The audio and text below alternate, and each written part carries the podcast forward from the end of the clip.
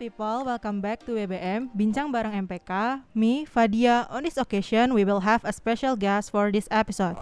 We're gonna talking about the differences between IPA and IPS. So, without any further ado, please welcome Liza and Ojan. Hai. Halo. Silakan boleh dari Liza perkenalan diri. Hai, perkenalkan nama gue Liza dari kelas 12 IPS 6. Gue perwakilan dari jurusan IPS. Halo semuanya, perkenalkan nama gue Muhammadiyah Fauzan. Bisa lo panggil Fauzan, gue dari kelas 12 IPA 2 dan gue dari perwakilan IPA. Oke. Eh, boleh tahu nggak nih kenapa Ojan milih IPA? Kalau menurut gue kenapa gue milih IPA karena eh, bakat gue ya ada di situ ya. Masuk eh, passion gue dalam eh, belajar IPA, misalnya menghitung, eh, menghafal rumus-rumus ya. Karena emang gue dari dulu emang udah suka menghitung sih. Oh gitu. Kalau buat Liza sendiri kenapa nih milih IPS? Eh, gue pilih IPS karena gue lebih suka menghafal daripada menghitung ya. Dan lu- di luar dari itu, gue juga kurang tahu nih ke depannya mau jadi apa kalau pilih jurusan IPA. Oh, berarti udah emang udah punya tujuan ya buat ke mana nantinya. Iya. Ada nggak sih perbedaan eh, antara IPA dan IPS selama masa pandemi sekarang kan jadinya online ya, online sama offline tuh gimana tuh perbedaannya? Kalau menurut gue dari belajar offline itu biasanya sih eh, lebih ringan ya tugasnya daripada online karena biasanya pas online ini kita lebih banyak ngerangkumnya kalau IPS gitu. Oh gitu ya, berarti jadi makin sering rangkum ya online. Iya, biasanya kayak bisa lebih dari dua lembar per hari gitu-gitu. Oh gitu. Tapi itu sekalian gurunya jelasin gitu nggak sih? Atau langsung aja disuruh ngasih tugas? Eh, biasanya sih emang ada guru yang ngejelasin terus baru eh, disuruh ngerangkum ya, tapi ada juga guru yang ngerangkum dulu baru zoom atau kayak gimana gitu. Oh gitu. Kalau buat Ojan sendiri apa nih bedanya nih kalau lagi sekolah offline sama online? Kalau menurut gue sih perbedaan secara signifikan antara anak IPA dan anak IPS kalau lagi sekolah offline sih eh, dari tugas-tugasnya ya kalau eh, IPS tuh lebih tugas kayak ngerangkum, ngehafal kalau anak IPA eh, lebih cenderung ke arah menghitung gitu sih dan kalau misal lagi online mungkin tugasnya lebih banyak ya soalnya kalau eh, offline itu eh, ada jam kosnya kan kalau Oh, sedangkan iya, kalau online itu nggak ada jam kosnya tetap harus ada deadline-nya gitu. Oke. Eh bener nggak sih gosip-gosip yang beredar kalau misalkan anak jurusan IPA itu udah pasti lebih pintar dibandingkan anak jurusan IPS? Gimana nih pandangan lo Jan? Kalau menurut gue sih, kalau pandangan gue kalau misalnya anak IPA itu lebih pinter sih, eh gue nggak mandang kayak gitu sih. So- Soalnya eh, kepintaran seorang murid itu tergantung dari individunya masing-masing. Gimana cara dia untuk mau belajar, Wih, mau berusaha untuk memahami materi dan sebagainya. Hmm, Gimana aja menurut lo? Kalau persepsi orang emang mikirnya kan mungkin IPA lebih pintar daripada anak IPS ya. Cuman gue sih dari awal emang gak percaya dengan hal itu karena pas gue lihat juga anak IPS banyak banget anak-anaknya yang pintar-pintar. Ya betul, bener sih. Kayaknya emang emang nggak ngaruh sih IPA atau IPS-nya ya. eh kan banyak ya yang mandang anak IPS tuh dengan sebelah mata. Kayak contohnya anak IPA itu masa depannya lebih terjamin daripada anak IPS. Nah, pendapat Tiza tentang itu apa nih? Secara kan lo anak IPS nih, kan dipandang kayak gitu gimana? Menurut gue sih enggak ya, karena kan setiap orang punya keberuntungan masing-masing dan passionnya masing-masing. Jadi sih itu balik lagi ke dirinya, apakah dia mau berusaha ke depannya atau enggak. Eh gimana menurut lo Jan? Eh gue ya tergantung sih. Ya emang eh, semua itu udah punya jalannya masing-masing ya. Jalan di mana mereka berkarir, di mana mereka bekerja dan eh, semua itu udah diatur sama di atas sih menurut gue. Karena ya kita nggak bisa bandingin gitu. Kalau pandangan Liza sendiri nih mengenai anak IPA tuh gimana sih? Kalau menurut gue anak IPA tuh ambis-ambis gak sih? Yang pasti harus kuat hitung-hitungannya. Oh iya sih benar-benar. Waduh, itu Iya, bener ya. ah, terus gue juga lihat anak IPA tuh kayak bener-bener rajin-rajin gitu. Dari temen terdekat gue yang IPA ya mungkin. Oh, gitu. Kalau buat Ojan gimana? Menurut lo anak IPS? Eh, pandangan gue tentang anak IPS kayaknya eh, lebih banyak hafalan. Kayak gue bayangin kalau gue kan anak IPA ya kalau gue suruh menghafal sih kayaknya nggak sanggup sih. Iya sama sih. ya terus juga mungkin rata-rata eh, menurut pandangan gua anak IPS tuh kayak lebih seru-seru aja gitu dalam eh, bergaul kalau anak IPA sih cenderung kayak lebih kalem aja gitu Eh kan sekarang kita udah kelas 12 nih ya. Nanti eh lo mau ke mana aja lanjutin jurusannya mau ke udah ada rencana kah atau gimana nih? Kalau gue sih pasti ngambil satu jurusan ya karena takutnya gue nggak mampu buat mempelajari jurusan lain dalam waktu yang dekat ini apalagi kan gue IPS ke IPA menurut gue sih susah ya iya sulit eh buat Ojan gimana nih? Udah ada jurusan yang buat sejurus atau malah mau linjur nih tertarik untuk sosum gitu? Kalau gue pertama kali masuk SMA, mulai dari kelas 10 tuh gue udah tetapin jurusan apa yang gue mau, yaitu jurusan IPA sih. Jadi uh, gue udah netapin kayak gue nggak bakal linjur lagi. Kayak uh, kalau mau linjur juga kayak udah terlambat gitu sih. Iya, Susah soalnya uh, ngajarin dari awal gitu. Ya sih, betul. Kira-kira rencana apa nih yang udah kalian punya atau kalian persiapin buat lanjut ke universitas? Eh, apa yang udah usaha yang kalian lakuin? Apakah kalian udah nyicil buat materi UTBK atau udah les atau gimana tuh buat Liza? kalau untuk studi lanjut ke kuliahnya sekarang gue udah mulai les ya. Dan yang pastinya gue juga udah mulai mengurangi waktu-waktu gue yang kurang penting mungkin. Gitu kayak main gitu mungkin gue udah mulai mengurangi. Ya gue setuju sih sama Liza kayak gue udah uh, les juga, udah uh, udah nyiapin apa yang harus gue siapin materi-materinya, mulai dari uh, apa gitu kan, terus sama pola pelajarannya gue udah mulai terapin gitu. Kalau buat Liza sendiri kan tadi bilang mengurangi waktu-waktu nggak penting. Nah, berarti kan tapi kan kita tetap butuh kan main, keluar-keluar. Nah, itu gimana tuh cara ngatur waktunya? Eh, kalau untuk itu ya gue juga udah mikirin dari awal misalnya gue senin sampai jumat eh, kegiatan misalnya mengisi kegiatan-kegiatan gue dengan les atau yang lain-lain yang emang penting terus kalau misalnya sabtu dan minggunya sih gue emang sengaja mengosongkan jadwal ya biar kayak kita nggak nge-push otak kita juga buat selalu belajar gitu Iya benar. Kalau buat lo gimana nih cara buat ngatur waktu sama main sama belajar gitu? Kalau menurut gue sih gue udah tetapin dari awal kelas 12 kayak rencana itu gue mau kalau Senin sampai Jumat tuh ya gue sama kayak Liza lebih fokus ke pelajaran dan kalau Sabtu Minggu itu eh, bukan melepas pelajaran ya tapi lebih bebas aja gitu tapi eh, di sisi lain gue juga nggak boleh nggak belajar di hari itu juga. Oh gitu ya. Eh bener nggak sih masuk IPA tuh lebih berat buat dijalanin daripada masuk IPS yang katanya lebih santai? Kalau menurut gue sih kalau masuk IPA itu lebih berat daripada IPS tuh menurut gue ya tergantung orangnya masing-masing sih. Menurut dari gue eh, ya kalau emang udah passion sih santai-santai aja ngejalaninnya. Jadi tergantung dari usaha dan passion mereka udah sejauh apa dan udah eh, seminat apa mereka dalam eh, jurusan yang mereka pilih sih. Kalau buat Liza sendiri bener gak sih IPS tuh lebih santai dibandingkan IPA atau emang malah orang-orang nggak tahu aja nih sebenarnya IPS tuh berat juga loh atau malah lebih berat dibandingkan IPA gimana? Mungkin iya karena IPA kan pasti banyak hitung-hitungannya di fisika, kimia gitu-gitunya ya. Tapi IPS sebenarnya juga banyak rangkumnya dan itu benar-benar banyak. Jadi menurut gue sih IPS nggak sesantai yang orang lain pikirin. eh kan katanya ya anak IPA tuh pasti lebih jago soal hitung-hitungan, sedangkan anak IPS tuh lebih jago soal hafal menghafal. Bener gak sih? Eh, kalau menurut gue sih ya bukan lebih jago ya karena emang passion eh, dasar anaknya IPA tuh emang eh, udah harus basicnya itu menghitung menghitung sih udah harus ada hitung hitungannya jadi kalau masuk IPA ya harus udah tahu kita ngapain aja apa aja materinya apa aja pelajarannya gitu karena emang eh, IPA itu emang lebih banyak menghitung sih Ya. Kalau buat Liza sendiri gimana nih dari IPS? Menurut gue emang IPS kan lebih baik menghafalnya ya, tapi kan kita juga punya ekonomi. Contohnya kayak di akuntansi itu kan juga ngitung, jadi Hmm, nggak betul. semuanya kita menghafal sih gitu. Dan untuk jago tentang hitung-hitungannya, benar kata Ojan mungkin eh, balik lagi ke diri masing-masingnya lagi. Ya betul betul. Eh apa sih perbedaan pergaulan antara anak IPA dan IPS buat Liza sendiri? Mungkin ada ya perbedaan, tapi gue rasa nggak terlalu signifikan atau menonjol gitu. Eh, mungkin bisa dilihat dari cara anak IPA dan IPS berinteraksi ya. Paling itu aja selebihnya anak IPA sama IPS sih pergaulannya menurut gue sama aja gitu. Tapi buat lo sendiri eh, pergaulan IPS ini cocok nggak sih buat lo? Apa kayaknya kayak pergaulan IP, IPA lebih cocok deh ke gue gitu? Kalau untuk cocok-cocokan ya, selama yang gue alamin, kalau IPS sih menurut gue cocok banget sama diri gue juga gitu. Jadi gue sih enjoy banget di IPS.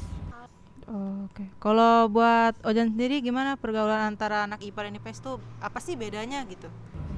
Kalau menurut gue tuh kalau pergaulan kan berarti kelompok ya. Nah, Iya.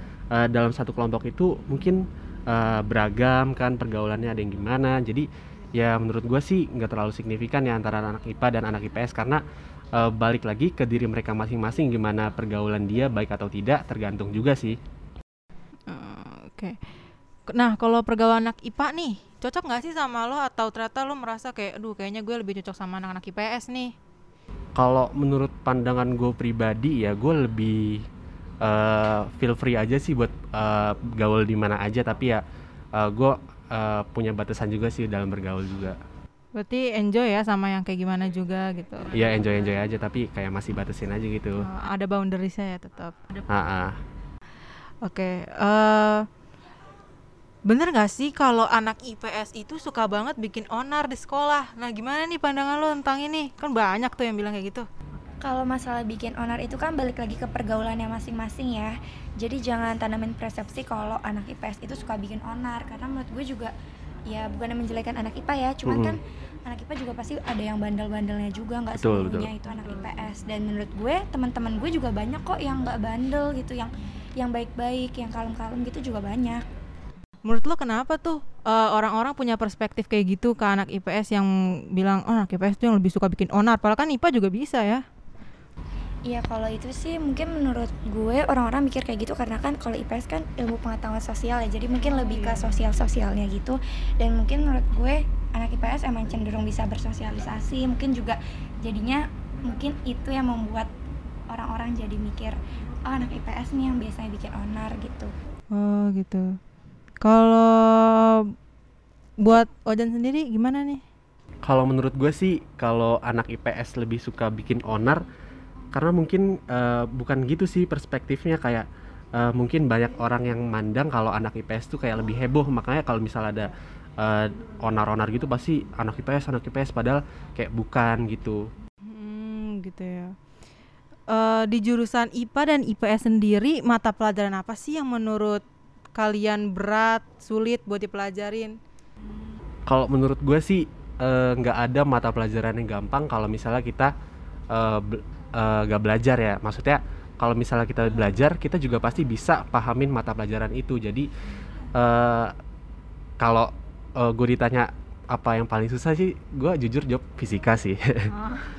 Karena kayak eh, rumusnya banyak banget Iya, gitu. Fisika rumusnya banyak banget gitu ya. Parah. Benar-benar. Apalagi kalau misalkan gurunya nggak ngejelasin. Iya.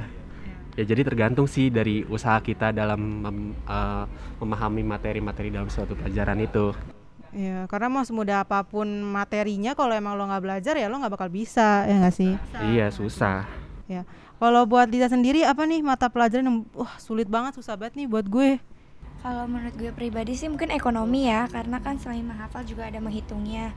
Tapi di luar itu sih sebenarnya ilmu ekonomi benar-benar bermanfaat banget di kemudian hari. Jadi menurut gue mau nggak mau kita juga harus mempelajari ekonomi sih. Sebenarnya emang eh, ekonomi tuh emang bukan buat IPS doang nggak sih? Iya, IPA pun juga perlu karena itu buat Iya, masa betul, depan betul. ya, ya. Kan selain di sekolah kan pasti kalian punya kegiatan masing-masing ya di luar sekolah. Nah, eh buat Ojan sendiri apa nih kegiatan di luar sekolahnya? Kalau buat gua kegiatan di luar sekolah gua eh, mengikuti dua les ya. Yang pertama tuh les bahasa Inggris dan kedua itu les pelajaran buat SBM sih. Jadi kayak gua eh, ngikutin les dan paling gua kalau Sabtu Minggu tuh paling badminton sih. Ha-ha. Buat free time ya? Iya free time sekalian olahraga juga ya nggak biar sehat. Iya benar-benar. Kalau buat Lisa sendiri apa nih kegiatannya di luar sekolah? Kalau di luar sekolah, eh, mungkin kalau yang terikat dari sekolah itu kan eskul ya biasanya. Kalau eskul sih gue ikut eh, eskul modern dance, tapi kan karena sekarang kelas 12 jadi udah nggak ikut lagi ya gitu. Dan kalau misalnya untuk yang di luar sekolah, mungkin gue biasanya olahraga sih, banyakin olahraga, olahraga gitu biar kita tetap sehat. Hmm. Boleh tahu nggak nih eh, di modern dance tuh kalian ngapain sih? Seru nggak? Seru banget. Jadi eh, kita itu selain belajar dance-nya gitu ya, kita kan juga pasti ngerasa punya keluarga baru gitu. Jadi menurut gue nggak nggak jadi beban juga sih kalau itu. Berarti emang ekskul tuh tujuannya buat enjoy aja ya, buat iya, makin enjoy aja. eh, relasi aja gitu ya. Eh, terus eh, kalian selama di SMA ini ada ikut organisasi nggak sih? Siapa kira-kira yang ikut organisasi? Ojan ya? Eh, kalau gue sih ikut ya di kelas 11 mungkin ya. Eh, gue ikut organisasi OSIS sih.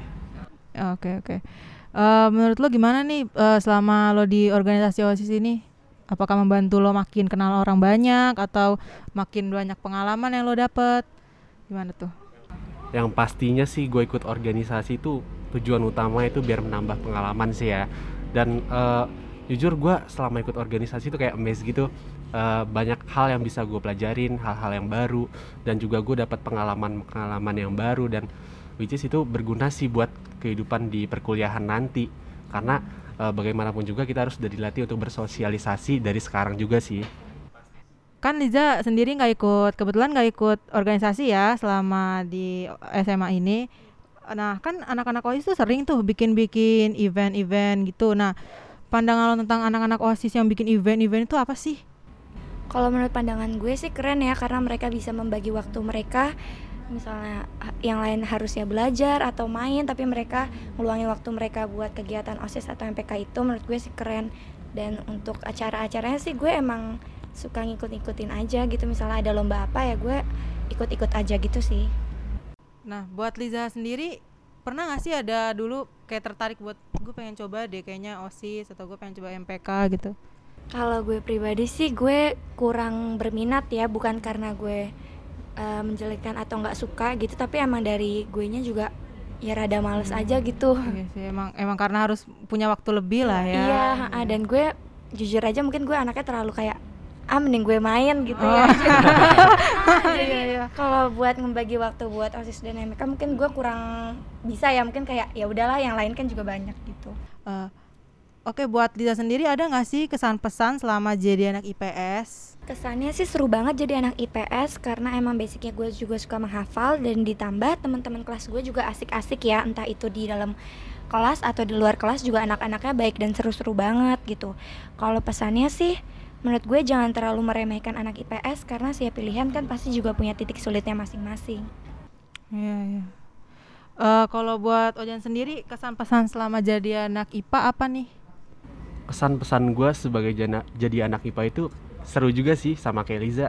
Kayak basic gue tuh udah emang uh, suka menghitung suka uh, biologi segala macem ya. Karena uh, gue emang udah passionnya di situ ya. Jadi ya uh, gue sih asik-asik aja sih di IPA terus uh, untuk pesan gue sebagai anak IPA kayak uh, kalau lu ada suatu materi yang susah atau lu nggak mengerti jangan lu abaikan. Justru malah harus lu cari jalan keluar ya cari eh, cari eh, materi-materi yang berhubungan dengan itu sampai lu bisa karena kalau eh, waktu kelas 12 tuh kayak lu udah harus fokus buat SBM gitu sih Oke, last but not least, eh ada nggak nih kayak tips-tips buat adik-adik kelas yang baru mau masuk eh, dunia SMA untuk milih jurusan IPA atau IPS? Gimana nih dari Ojan sendiri?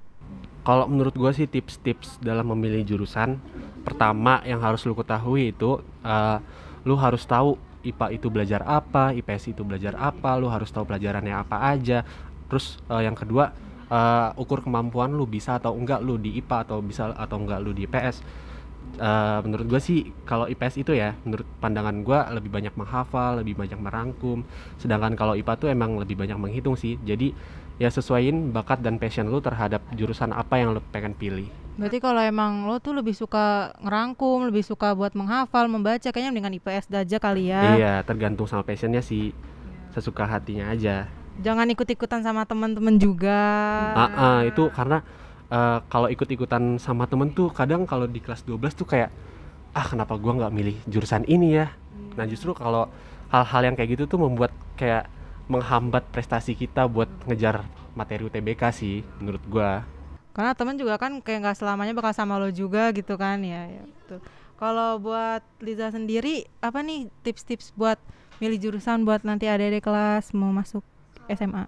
Kalau menurut gue sih tipsnya emang udah dipikirin dari SMP mungkin ya Emang harus udah dipikirin mau lanjutnya ke mana juga Dan Eh, biasanya nih kalau misalnya anak-anak kan pasti kurang tahu nih mau ke IPA atau IPS dan pastinya orang tua tuh biasanya kan emang nyuruh kayak ya udah nih IPA aja gitu kan. Dan menurut gue kayak dari pengalaman gue pribadi eh, kalian jangan maksudnya kalau misalnya kalian emang mau ke IPS ya udah ke IPS aja. Jangan eh, jangan nanti eh, maunya nurutin orang tua ternyata kaliannya nggak suka Ah, gitu.